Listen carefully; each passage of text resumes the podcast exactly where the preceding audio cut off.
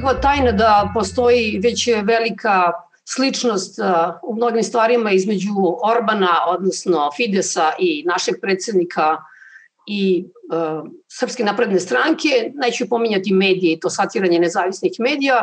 Što Orban i sam kaže, želim smenu elita. Dakle, ne više liberalne elite, nego konzervativna nacionalističke elite i on to ne krije. Ovde kod nas niko to eksplicitno ne kaže, ali mi smo imali seriju stvari u poslednjih i događaju u poslednjih nekoliko meseci pa i godina koje govore o intencijama izvršne vlasti da preuzme kontrolu nad institucijama i institucijama kulture i na univerzitetu. Da krenemo od ove poslednje teme koja je aktualna, a to je Fakultet političkih nauka, odnosno odluka vlade da u savet fakulteta imenuje dve aktualne ministarke, od kojih je jedna i doktorantkinja inače na Fakultetu političkih nauka. Govorimo on, dakle o Maji Gojković i od Jadranki Joksimović, mislim da se zove. Jel? Dejane, stalno nam je asocijacija, naravno, taj Šešilj zakon iz 98. godine, izgleda da još nije dotle došlo, međutim ono što zabrinjava jeste trend. Vi često govorite o simbolici samih nekih odluka, pa vas molim da pojasnite to. Mi ne znamo za sada. Zaista ne znamo da li je uh, osnivač svojim konkretnim predlogom želeo uh, nešto više nego da samo popuni tih uh, osam praznih mesta. Jednostavno, norma je prilično jasna. Istaknute ličnosti u oblasti nauke, kulture, umetnosti, privrede. Uh, predloženi kandidati jesu istaknuti svako na svoj način. Čini mi se da, da se ne uklapaju u profil koji, koji je zakon predvideo. Tako da mislim da, da bi to osnivač morao da, da pojasni, uvek je tere dokazivanja na onome ko, ko ovaj, nešto tvrdi. Tako da sad je na nama, pošto osnivač ćuti, da uh, pojasnimo sami sebi i javnosti, pretpostavljam šta to znači. Uh, Ja verujem iskreno da je uh, vlada Republike Srbije zaista mogla da nađe istaknute ličnosti. Da, da su gospodina Tasovca ili Kusturicu ovaj, stavili na tu listu, ja verujem da niko ne bi mogao reč da kaže. I siguran sam da postoje brojni profesori, profesori, uključujući i dva koja su predložena, koja prosto mogu da zadovolje taj kriterijum. Zašto ovaj, dve, po mom mišljenju, prilično zauzete osobe jer mi imamo generalno problem na univerzitetu, ja ne znam koliko vi to znate, da nam spoljni članovi često i ne dolaze, to su neplaćene funkcije. Dakle, ovo nije pitanje da nekakve sinekure ili nečega sličnog, jednostavno ovo je pitanje zašto tako dve krupne rive dolaze na fakultet političkih nauka. Rekao bih da se šalje jedna poruka. Iako ja treba da razmislim da li ću pre ili kasnije da dobijem nekakvog omnipotentnog dekana kome moram da poljubim prsten uh, i da pazim kome dajem intervju, koju peticiju, koje je ustavno pravo sam potpisao ili nisam potpisao, onda je to zaista zabrinjavajuće kao trend. Tako da čini mi se i nadam se da niko nema nameru da jedan forum kakav je Beogradski univerzitet, kakvi su univerziteti uopšte, ugasi ili utiša na ovaj način čini mi se da su te neke institucije poput uh, visokoškolskih institucija i uh, Akademije nauka dobri forumi da se razgovara, jer uh, meni uvek pada na pamet, ja ne znam da li, da li vama slična asocijacija, sad tokom pandemije, ovaj, uh, kada su o zdravstvenim stvarima govorili uh, Trump i uh, Anthony Fauci, pa Trump izađe pred ovaj svetski auditorijum i kaže da ovaj lek za maleriju po njegovom mišljenju leči uh, koronu i daje nekakve uh, medicinske savete a onda pitaju ili odnosno sam sebi da reč ovaj glavni epidemiolog i kaže ne, ovo nije istina. Ignorišite ovo. Opasno je jednostavno to je ono ključno pitanje da li političari baš sve bolje znaju od nas ili ima nekakve uloge i za takozvanu struku. Struka je nešto tokom korone izašlo na loš glas kao, kao termin, ali ipak stručna javnost ima šta da kaže i o pravosuđu i opšte o stanju u, o, u društvu, o životnoj sredini, o na kraju krajeva o ono što je čisto akademsko pitanje, čini mi se, jako je i politikološko i političko uopšte, odliv mozgova, kuda idemo, čemu stremimo, s kim se družimo, u kakvom društvu želimo da budemo, to su sve ključna pitanja i ono što razlikuje političare i nastavnike na, ovaj, na fakultetima jeste da kada im postavite direktno i jasno pitanje, dužnost uh, profesora je da kaže, da odgovori, da ne izbegava pitanje, manipuliše i prosto ćuti, dok političar zaista ima pravo da proceni šta mu najviše odgovara da kaže ili da prećuti. To je suštinska razlika. Što rekoše šta priliči ovaj, Jupiteru ne priliči volu, iako mi ispada smo ovaj, kao volovi, ovaj, mi stručna javnost na neki način. Tako da ja verujem da bi uh, osnivač mogao FPN da dodeli osam zaista istaknutih ličnosti, mislim da FPN to zaslužuje. Fakultet političkih nauka je zaista jedno specifično i divno mesto na kome može sa uživanjem da se prati ovaj nekakva debata. Pre korone su ovde gostovali i, i Dinkići, i Tadići, i Vučići, i da, Dačići, uh, i razni ambasadori, i Kvinte, i ovoga i onoga. Jednostavno, koga mi to školujemo i kakav primer dajemo ako jednostavno pristajemo da i u ovoj stvari političari bolje znaju. Profesor Petroviću, šta je rađeno ili šta je intencija, tako da kažem, u zakonodavnom okviru, što vas posebno zabrinjava i što, kažem još jednom, će imati daleko sežne posledice, ne samo neke slučajeve koje ćemo analizirati i zaboraviti posle dva dana. Pitanje je aktualno budući da danas govorimo o izmenama zakona, o nacrtu izmena zakona o visokom obrazovanju, gde zapravo postoje određena pitanja. Jedno je aktualno u javnosti vezano je za prirodu, ulogu Bogoslovskog fakulteta, ali postoji neka druga pitanja. I mi imamo već zadnjih nekoliko godina, a i možda i deceniju nazad, određene promene zakona koje mic po mic zapravo razvlašćuju univerzitet na neki način, pa evo sada govorimo o savetima fakulteta.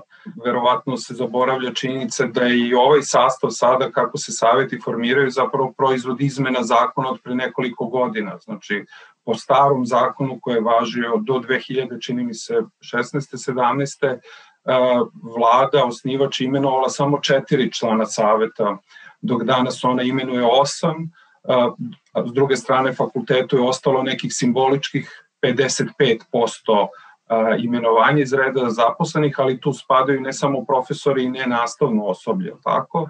Da uz druge strane imamo predstavnike vlade, imamo predstavnike studenta i već, studenta i već smo došli u jednu situaciju, pa skoro je gala. E, dešavalo se već i dešava se, iako predstavnici vlade ili ajde da kažemo osnivač nema većinu, ali da sistematskim nedolaženjem na sednice saveta, mislim da je to bio slučaj na Fakultetu političkih nauka, uz nedolazak još jednog ili dva člana s ove druge strane, zapravo se savet parališe. Jel?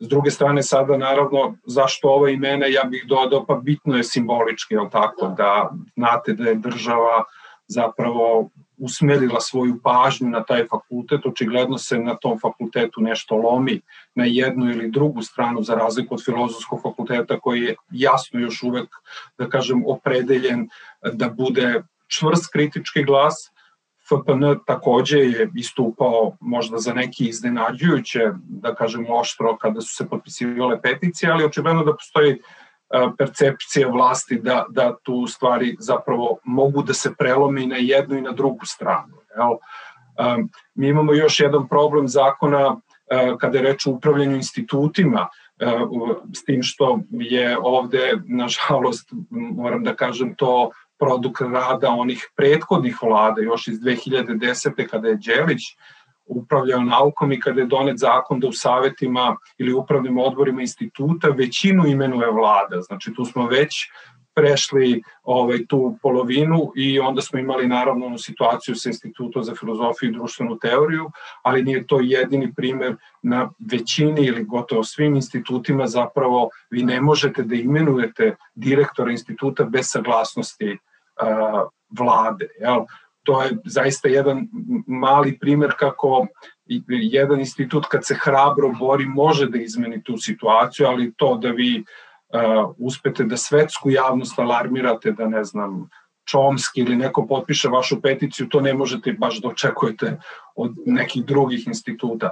Sada trenutno dok pričamo o ovim izmenama zakona i dok svi pričamo o Bogoslovskom fakultetu, zapravo menja se i onaj deo zakona koji će uređivati e, organizaciju akredita, nacionalnog akreditacionog tela, koje je ključno telo koje dodeljuje zapravo akreditaciju, to je odlučuje o tome koji fakulteti mogu ili ne mogu da se bave a, svojom delatnošću.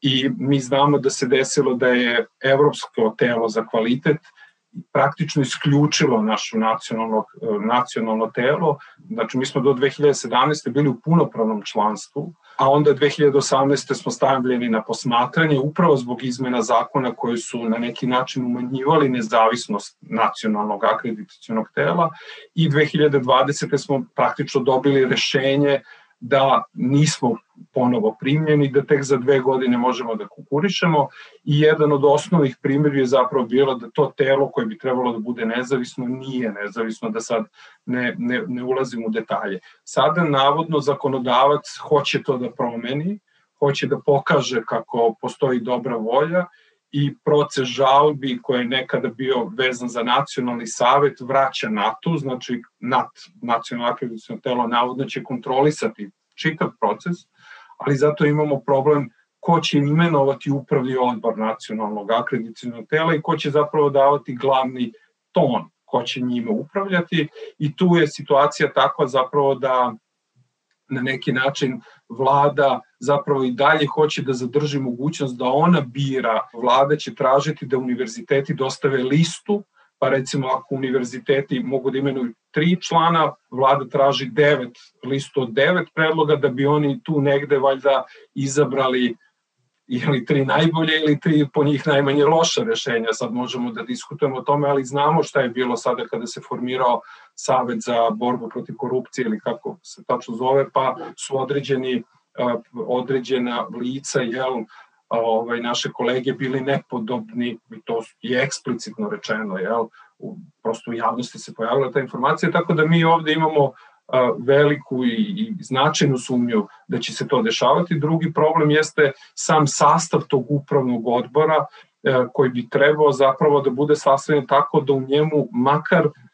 simboličku većinu imaju oni koji učestvuju u procesu obrazovanja i kreiranja programa, to su nastavnici jel, zaposleni na univerzitetu. Situacija je takva sada zapravo da je napravljena jedna vrsta ravnoteže, tri predstavnika će davati univerzitet, jedan visoke škole, to je znači četiri, s druge strane ministarstvo će davati dva predstavnika i to je jedna vrsta njihovog ustupka, oni kažu eto, sad mi samo dva dajemo člana, ali zato su dva člana ispred Privredne komore Srbije, a mi znamo da vlada dosta dobro sarađuje sa Privrednom komorom Srbije i praktično tu imamo sad 4-4 i presudni glas bi mogao biti glas studenta. Biraju se članovi na 4 ili 5 godina, nisam siguran. Jedan student će vrlo verovatno kraće biti u mandatu, biraće se neki drugi i to će takođe biti polje za manipulaciju. Prema tome, mi zapravo imamo jedan proces koji traje poslednjih 10 e, godina, ali ti procesi traju nazad od drugog svetskog rata, kontrole univerziteta, ali sada, da kažem, na jedan eksplicitniji način preuzimanja ključnih tačaka, kao što je nacionalni savet, nacionalno akreditacijono telo, telo i saveti fakulteta, u cilju jel, uspostavljanja jedne agende, naravno, koja će biti na liniji onoga što, što je cilj vlade i u najmanju ruku a, neutralizovanja eventualnih kritičkih glasova koji bi mogli dolaziti sa fakulteta i univerziteta. Samo kratko je da pojasnim, ja to vučem paralelno nekako, ako hoćete, i sa medijima. Država odlučuje kome će dati nacionalnu frekvenciju pod određenim uslovima. A onda taj koji je dobio frekvenciju, on radi što god hoće posle toga, jeli, pravi najodurniji uh, komercijalni program koji nikakve veze nema, nego zlopotrebljava, tako da kažem, nacionalnu frekvenciju. Tako isto i, i ovde rekla bih, jel da država preko svojih svojih mehanizama sada može da da akreditaciju nekom univerzitetu, forma, da on formalno ispunjava uslove, da radi šta hoće u stvari, akreditacijono telo koje vi govorite, ono je, njega može da poklopi svakog časa i da njegove odluke dezavuiše Nacionalni savet za visoko obrazovanje. Tako? Promena je sada u tome što će se visoki, e, Nacionalni savet za visoko obrazovanje isključiti. Znači, to je dobro. Jer ranije je, i još uvek je tako, ne, akreditacijono telo donese odluku da se ne dodeli akreditacija određenom fakultetu univerzitet, ili univerzitetu, oni su drugom stepenu žale nacionalnom savetu, nacionalni savet koji prosto nije uopšte sada u u, u mehanizmima, ne bavi se akreditacijom, imenuje, čini mi se, tri člana neku žalbenu komisiju i oni jednostavno ponište odluku NATO i dodele akreditaciju. I to se dešavalo i ovo će se, bar u tom smislu je su ova predložena rešenja dobra, ali kažem, sada će se sve odlučivati u NATO, a NATO će biti pod kontrolom, tako da, su, da, to je jedna vrsta manevra uh, naših izvršnih jel, organa gde oni misle da će zamajati stvari, zamagliti ih i da će Enkva to da, da proceni kao napredak. Ja nisam siguran. S druge strane, ja moram da kažem, ja poslednjih godinu dana dobrovoljno sam se prijavio da budem i recenzent u, u NATO, prosto uh, osjećao sam neku vrstu potrebe da prođem kroz taj proces, da vidim kako izgleda iznutra proces akreditacije i tu sada vi imate niz određenih problema. Ono što sam ja iskusio je da se kolege trude da taj posao obavljaju na određeni način koji je u skladu sa normama i zakonom, ali ono što fali kasnije jeste zapravo proces kontrole institucija kojima vi dodelite. To je ovo što vi kažete. Vi ćete, e, institucija će da ispuni neke formalne uslove, ali jednom kada dobije akreditaciju, ona bi trebala da vrši samo evaluaciju, da vi vršite spoljnu kontrolu, ali to su u praksi ili ne dešava ili se sporo na tome radi zbog sad različitih razloga i to su zapravo problemi. Vi bi morali temeljno sada da to nacionalno akreditacijono telo um, transformišete, da ti recenzenti budu nezavisni, da oni prođu kroz obuku, da budu neki način dobro plaćeni, to bi bili faktori nezavisnosti. A ovo sada, to je više zadovoljavanje jedne forme u jednom telu koji će, kažem, biti kontrolisano od onih koji imaju interesu da ga kontroliše i ja nisam siguran da će ono moći da obavlja do kraja tu funkciju koju bi trebalo da obavlja, to je da zapravo suštinski obezbedi da mi imamo kvalitetno visoko obrazovanje u Srbiji. Ja bih samo da dodam možda i bolju paralelu uh, oko značaja kontrole i tih zlatnih glasova. Uh, mislim da je pravosuđe osetljivija tema i ono kako se može kadrirati preko pravosudne akademije i Visokog saveta sudstva, državnog veća tužiloca, jednostavno ne obećava i čini se da i tu postoji nekakav trend disciplin, disciplinovanja i otud sva ova debata oko ustavnih promena, pritis, spoljnih pritisaka, svi su svesni da će taj zlatni glas uh, vlade ili vrhunskih ovaj, pravnika, šta god to bilo, uh, presuditi verovatno o mnogim karijerama. Profesor Petrović, samo za kraj ovo, ove teme, ovaj problem sa nacionalnim akreditacijenim telom. Dakle, ono je uh, suspendovano, pa onda, da kažem, eliminisano ili izbačeno iz, toga, iz te Evropske asocijacije za obezbeđivanje kvaliteta u visokom obrazovanju. Šta to praktično znači za diplome, za studente i uopšte za univerzitet? Pre svega, zaista je loša stvar sada kada smo u nekom naporu, ne sada nego u poslednjih 20 godina da se priključimo Evropskoj uniji i različitim telima Evropske unije. Bili smo deo tog tela, znači na neki način je ključno evropsko telo priznavalo kvalitet obrazovanja i diploma u, u našoj zemlji i onda smo došli u poziciji zapravo da budemo isključeni, izbačeni, ako hoćete da se grubo izrazim i u tom smislu e, to je prva i najveća posledica. Znači kada prosto iz jednog društva budete isključeni, to je ja mislim, gore nego ako vas neko i ne primi u to društvo, jer prosto vi ispunjavate neke kriterijume, kad ih jednom ispunite, zaista je, treba da napravite niz nekih prekršaja da bi vas neko isključio. S druge strane, e, kada je reč o priznavanju naših diploma, e, to je stvar koja se pre svega uređuje na nivou institucija. Znači, mi nemamo i tu ne treba sada da budemo previše, da ne širimo paniku, prosto zato što veliki broj ljudi ima diplome, prelazi preko i radi preko i radit će preko i te diplome će e, u bilateralnim, da kažem, odnosima biti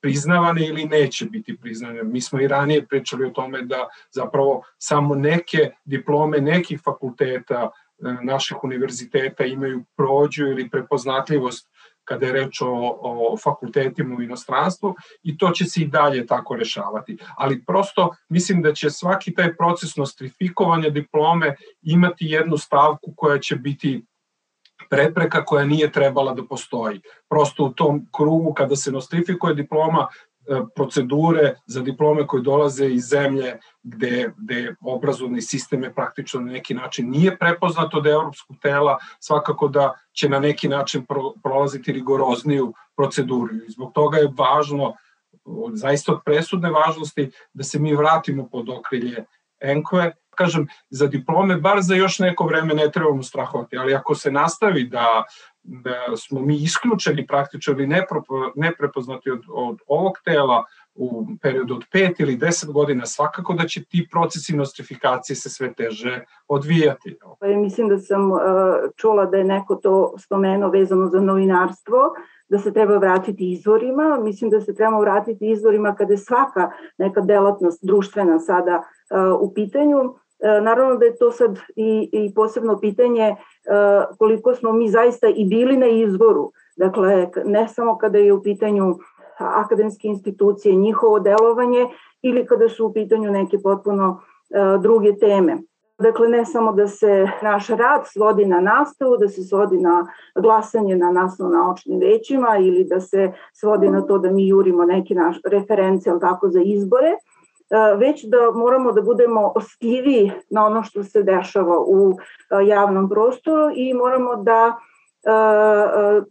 pokušamo da na njih i odgovorimo. E sad, da bismo to uradili, mislim da sve vreme imamo možda pogrešan pristup i možda bi i tu nešto trebalo učiniti ja ću sad s aspekta e, oblasti kojom se bavim bezbednosti, ali mislim da se ti pristupi neguju i u nekim e, drugim disciplinama, a to je da li mi sad samo zauzimamo neki stav i pokušavamo da se rešimo problema jer on dolazi s polja i dolazi kao neka pretnja, je tako, od sad registrovali smo koji su to sve eksterni faktori, je tako? Ili trebamo da se bavimo malo sobom i da vidimo da li mi možemo uopšte da ojačamo neke naše kapacitete, da osnažimo, ajde da, da upotrebim prosto i te izraze, jer mislim da je to sad jedan drugačiji način da ne sve vreme, uh, da sve vreme ne pokušavamo da po svaku cenu vidimo kako ćemo mi da odgovorimo na tu pretnju, već kako da mi osnažimo da možemo da imamo potpuno drugačiji odnos prema tim problema, onda će nas možda i taj eksterni faktor, neki i eksterni činioci zapravo drugačije gledati. Zapravo bi trebalo suštinski da se vratimo unazad i da vidimo, zapravo da istražujemo, da vidimo šta danas univerzitet predstavlja, ko su ko upravlja univerzitetom unutar institucije, e, ko su ostali učesnici, na koji način oni učestvuju u tom akademskom e, životu i šta se tu može menjati. Jer mi kada krenemo e, da malo samo istražimo i da vidimo kakva su inostrana iskustva, tako mi onda u stvari shvatimo da tu postoji već mnoštvo istraživanja, da tu postoje jako zanimljivi rezultati koji mogu da budu inspirativni za nas, a mi negde, bar je to moj osjećaj, uvek kasnimo za tim delom. E, dakle, da mi prvo da ne bismo paušalno govorili tako o tome e, da li određeni procenat kako mi zamišljamo ili pretpostavljamo učestvuje ili ne učestvuje, da li je sa određenog fakulteta su ljudi angažovani više, sa većine drugih ne, ovaj, mnogo manje ili nimalo, ili da prosto krenemo da istražujemo pa da vidimo kako je zaista stanje. Dakle, da zaključim, ovaj, jako je složena priča, jako je slojevita, dakle, mnogo stvari moramo da uzmemo u obzir, a mislim da uvek uzmemo samo nekoliko, je tako, a ovaj, ne gledamo sve obuhvatnije i ne uključujemo više nekih elemenata koje moramo da analiziramo da bismo ovaj, dobili pravu sliku i jednu jasniju sliku o tome kako je zaista stanje uh, na, u Da. Ja ću odmah da se pospem pepelom i da kažem najgore stvari o novinarstvu i o novinarima, ali ono što primećujem i ja i neki, mnogi moje kolege, a to je da veoma teško nalazimo sagovornike od članova akademske zajednice. Mnogi ne žele da govore, mnogi čekaju da im prođe reizbor, da im bude objavljena knjiga. Šešeljev zakon je bio takav, mnogi ljudi su bili izbačeni, ali tako, 200-300 ljudi. Bio je rat, dobili su batine ljudi na tehničkom fakultetu. Mislim, sada to nije ipak uh, u igri. Kako vi to objašnjavate, ta paraliza i taj muk koji zapravo dolazi od ogromnog dela akademske zajednice? Verovatno u, nekom, u nekim slučajima postoji strah od nekakve odmazde. Dobro, ubi ga prejaka reč. Ali, e, s druge strane, ja verujem da je mnogima i nezanimljivo da učestvuju u emisijama, da sede sa svojim istomišljenicima. Jednostavno, one 90. makoliko bile strašne i nesrećne, ovaj, nudili su nam tu vrstu komfora da gledamo profesora Vojislava Šešelja i docenta ili asistenta u to vreme Gorana Svilanovića i da jednostavno čujemo nekakvu argumentaciju, polemiku. Danas ja ne mogu da zamislim da neki uh, političar može zaista u nekim fair uslovima da sedi i da uh, govori uh, o podeli vlasti bolje nego neki profesor ustavnog prava. Prosto to bi bilo, verovatno sedi jedan. Be, bez obzira da li mi govorimo, primjer, radi o Borisu Tadiću koji je isto ovo radio. Jednostavno, sa tim minimalnim ovlašćenjima se ponašao kabadahijski. Pa ona sileđiska reforma pravosuđa. Jednostavno, to je neodbranjivo. Jednostavno, ljudi koji uh, daju tu vrstu intervjua moraju da budu spremni da će prst u oko staviti nekome ko je moćan. Ali da sede u nekakvim emisijama i da im neko jednostavno samo zaglušenje, šum, šum, šum. Jednostavno to je neprijatno. Čemu to služi? Šta je to test koncentracije? Jednostavno, ako imaš nešto da kažeš, faktički profesori na univerzitetu mogu i da napišu. A što ne pišu? Pa pišu, ima, ima, jel ko to čita? Mislite da, da o migracijama i, i efektima ovaj, migracija ne pišu ljudi? Mislite da o, o pretpostavci nevinosti nema šta da se pročita? Mislite da treba nekome da, da objašnjavamo ove, šta je govor mržnje i koliko su toksične društvene mreže, pretpostavljam da to više Daliborov uh, reon. Ako bi mogao da. ja samo, apropo stanja vezano za ovo, znači ne samo kad je reč o medijskim istupima, a ja znam da se mnoge kolege libe i ne samo kada, je, kada govorimo o kritici e, režime ili onoga što se dešava u akademskom polju, nego generalnom istupanju u javnosti. Ali ono što je meni bilo recimo zanimljivo sada kada je bila javna rasprava o ovom izmenom ovog zakona, u javnosti se još i govorilo o tome šta će se desiti sa Bogoslovskim fakultetom, o narušenoj autonomiji Beogradskog univerziteta. Znači, otvorili smo neku vrstu dijaloga, ali znate koliko je ljudi došlo na javnu raspravu koju je organizovalo ministarstvo, gde se pojavio Ružić, koji je otvorio javnu raspravu, posle toga je govorila državni sekretar za nauku, pomoćnik je jedan bio tu, pojavila se rektorka koja je dala neko kratko slovo i morala je da ode i još jedan profesor, akademik. Pored toga, naravno, mi iz mase i nas je troje učestvovalo i svako je sa svoje strane govorilo o, o problemima, ali niko više praktično sa Beogradskog univerziteta, čak ni oni koji su u javnosti pokrenuli dijalog. Naravno, mi ne očekujemo da će se stvari promeniti, ali bar na taj način da pokažemo da smo u, nekoj meri zainteresovani. Da ne govorimo o, o univerzitetu u Novom Sadu, Nišu, gde se niko nije ni, ni pojavio. Tako da je e, pre svega jedno stanje apatije, Uh, jedan generalni osjećaj koji, koji vlada u društvu, ne samo na univerzitetu, da angažma neće ništa promeniti, da su isti i ovi i oni. Ja se ne bi složio do kraja sa Dejanom da je to isto radio Tadić.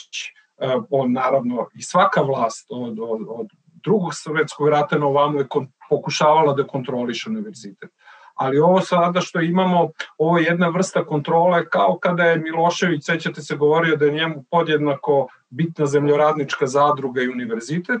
E ovde imate situaciju, ja na potpuno isti način hoću da upravljam mestom zajednicom i univerzitetom. Znači, kao što ću da iskontrolišem na naj onom nižem mikronivou mesnu zajednicu i da postavim svoje ljude, nehajući za bilo kakve dobre prakse, za, za neku vrstu uvažavanja tradicije univerziteta, isto se sada dešava na univerzitetu i to dešava se u onoj meri u kojoj ćemo mi dopustiti da se do kraja to desi i u kojoj meri će Evropa pustiti do kraja da se to desi. I to su dve, dve stanke. Nema treće. Partije i da kažem ta neka građanska, građanski otpor je sada poprilično oslabljen i zato se stvari lome na univerzitetu i lome se oko univerziteta. I ovo što kaže koleginica Stanarović, naravno treba videti kako je stanje na univerzitetu i treba se baviti nama, i mi jesmo napravili organizaciju koja zapravo hoće na neki način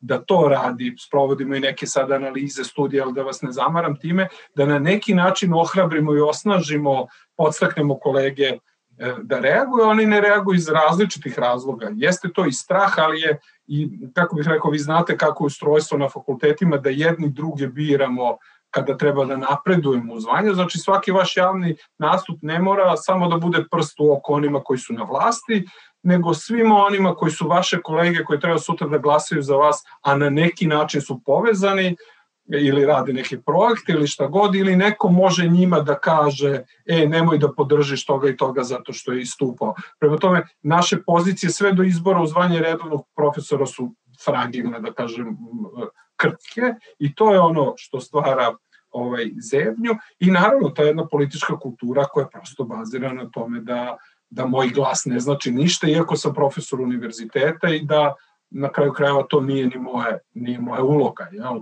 nešto malo na društvenim fakultetima imamo te kritičke da kažem misli dok su ovi drugi fakulteti potpuno u, u jednoj letargiji Ja mislim da između ostalog profesori još uvijek nisu prepoznali taj deo prostora gde mi možemo da utičemo na javne politike moramo da prepoznamo taj prostor da možemo da reagujemo i da dajemo svoje mišljenje kao institucija ili kao pojedinci u okviru institucije na određeni zakon ili na određeni strateški dokument i dešava se to što kaže e, kolega Dalibor, e, pa mi smo nemoćni, pa šta mi možemo, ja sam imala neku takvu situaciju, a šta mi možemo da napišemo to mišljenje? Možemo.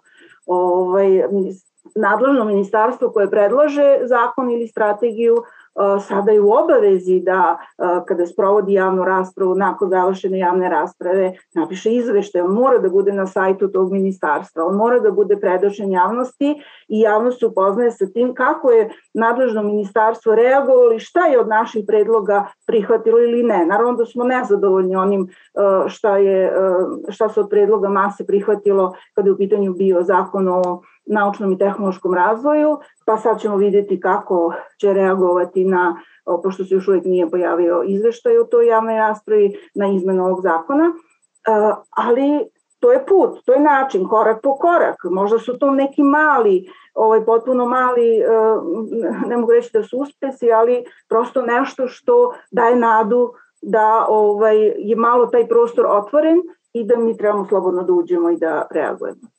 koleginici Svetlini samo ključno pitanje da li smo mi dekor ili smo akteri u tim, tim svim ovaj, procesima. To je, to je ključno pitanje. To je razlog zašto neki od ovih procesa vode apatiji. Ali ono što uh, brine kada se recimo čitala taj nacrt naučnog i tehnološkog razvoja Srbije do 2025. godine, tako nešto beše, ja mislim. Yes ono što je, e, što čoveka uplaši u stvari, da vi vidite da oni ne znaju nigde idu gde udaraju glavom. Da? Veštačka inteligencija, a pandemija kao da ne postoji, a demokratija kao da ne postoji i Evropska unija u kojoj hoćemo, ali ipak hoćemo nacionalnu kulturu, ne znam šta. Ne znate gde se uputio kormilar, odnosno taj voluntarizam svakoga dana kad se probudi, imate utisak da donese se različite odluke i ljudi da hoće da budu konstruktivni, ne znaju u čemu, jel, sutra dan se to promenilo sve. Odlično je pitanje i zapravo ključna stvar jeste sada strategije e, nas koji smo na univerzitetu, kako ćemo se mi sad odnositi prema inicijativama onih koji upravljaju ovom državom, jel? Da li ćemo s jedne strane zauzeti a priori opozicioni stav, i dočekati sve na nož, to jest ići na to da idemo, imamo sve ili ništa, što bi bila jedna strategija koju javnosti zastupaju, da kažem, neki predstavnici univerziteta, prosto oni smatraju da se sistem mora temeljno redefinisati da bi mi nešto mogli da menjamo. I drugi pristup je sada taj da li ćemo mi pokušati da aktivno učestvujemo u određenim telima, to jest da zauzimamo sav onaj prostor koji nama po zakonu negde pripada i da kandidujemo određena rešenja koja bi ukazivala na to da, da su predložena rešenja loše. Ta predložena rešenja su često loša zato što vlastima nedostaje kvalitetnih ljudi koji e, mogu, imaju kapacitet zapravo da, da prave određene strategije, da daju određene predloge. I onda vi imate tu amalgam nečega što je, sada kada ste pominjali ovu strategiju, nečega što je trend s jedne strane, a to jeste veštačka inteligencija, ulaganje i tako dalje, a s druge strane imate jednu infrastrukturu koja je nerazvijena, imate prosto kadrove koje je pitanje koliko su korak sa svetom, a onda imate neko veštačko ubacivanje nacionalne kulture ili nečaka, dok se fundamentalna pitanja e, demokratije, građanskog društva i svega onoga što, što uvek moraju da budu sastavni delovi ovakve strategije negde izostavljaju i ne prepoznaju. Prema tome, e, mi kao masa takođe još uvek pokušamo negde da vagamo da, i prosto pokušamo da zauzmemo donete drugačiji stav od da kažem, najistaknutih, kritički najistaknutih predstavnika naše akademske zajednice koje često izlaze u javnosti, koji obavljaju važnu ulogu e, kada određena pitanja otvaraju. Ali mislim da nam nedostaje taj jedan korak iza.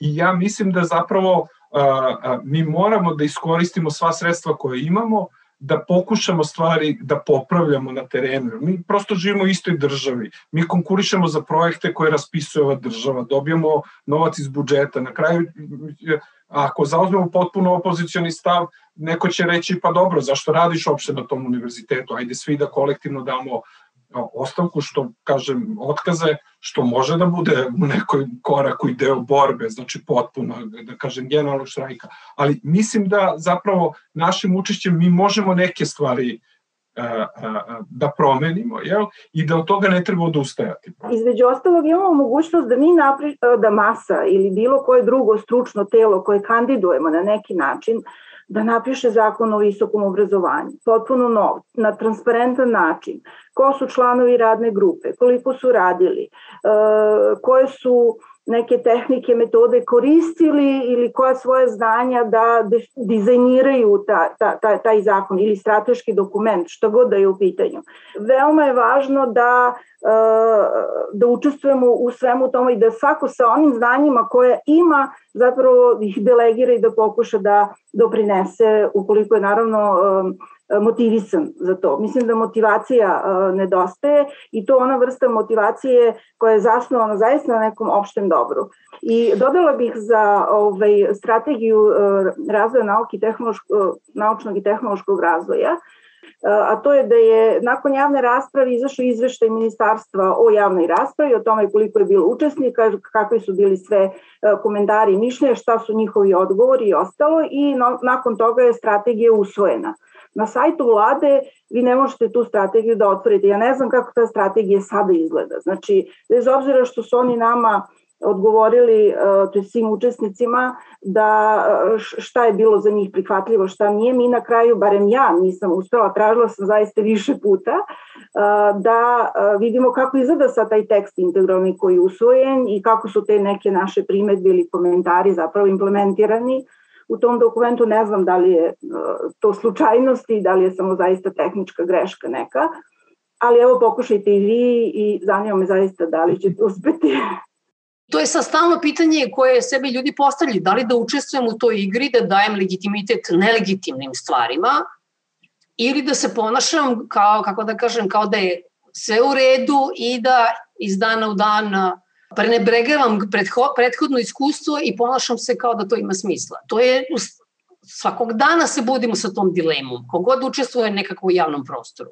Ja bih tu napravio paralelu, pošto se bavim naravno proučavanjem i mreža i komunikacije na mrežama i onda to vam je kao kad učestvujete, ne znam, u diskusijama na Twitteru i onda uh, imate te botove različite i neko kaže ideja botova je da oni iznesu neku drugu sliku. Nije. Ideja botova na Twitteru je da oteraju sve one ljude koji bi nešto drugo rekli ili pokušali da se informišu i da prosto zagade taj prostor na neki način i, i sada slično imamo u različitim sferama društvenog života. Sećate se kad su bili protesti pre godinu ili dve, onda su opet neki botovi napadali policiju da bi pristojan svet otišao odatle i, i, i, i o, ja razumem da to može da se dešava na mrežama ili na uličnim protestima, ali zaista bi bilo porazno ako bi mi dozvolili da se to zapravo dešava u oblasti javnog delovanja, javnoj sferi, na univerzitetima, pa čak i u medijima, iako znamo kakva je situacija i da bi najgore bilo da odustanemo. I ne možete, kako bih rekao, kredibilno da na kraju zapravo da se pobunite ili da animirate vaše kolege ako stvari ne doterate do kraja i kažete evo to su sve stvari koje smo mi do sada uradili. Iscrpili smo sva zakonska, ne znam kakva rešenja i sada više nema, sada je ili ili. Ja mislim da mi još nismo u toj situaciji, nisam optimista i ne verujem da, da su mnogi od nas optimisti, ali s druge strane ako imamo primer Instituta za filozofiju i društvenu teoriju gde je imenovan nekakav upravni odbor koji je bio po ukusu jel, režima, pa im je nametnut direktor, znači to je ono što se sada dešava i na nekim drugim institucijama, i ako su oni uspeli jednom akcijom, kao jedan mali institut sa relativno mladim ljudima, da, da zapravo naprave toliku takvu kampanju da je na kraju direktno jel, iz kabineta vlade došla inicijativa da se promeni upravni odbor, da se imenuje direktor kakav je po volji kolektiva, onda zašto nije moguće da mi menjamo određene stvari? Ja sam potpuno siguran da su ovo sve probe za uh, dramatičnije promene zakona o visokom obrazovanju gde će se promeniti strukture saveta još više i neki drugi će se možda akti uh, pokušati da se nametnu i to je trenutak za koji mi treba da budemo spremni. Znači, ovo je priprema za trenutak kada bude bilo važno da svi ustanemo da kažemo ne. Jel? Do tada, ajde da probamo svako na svoj način bar, bar nešto jel, da, da, da pomerimo na bolje, jer ne možemo da, kažemo, da se jednostavno povučemo i da odustanemo.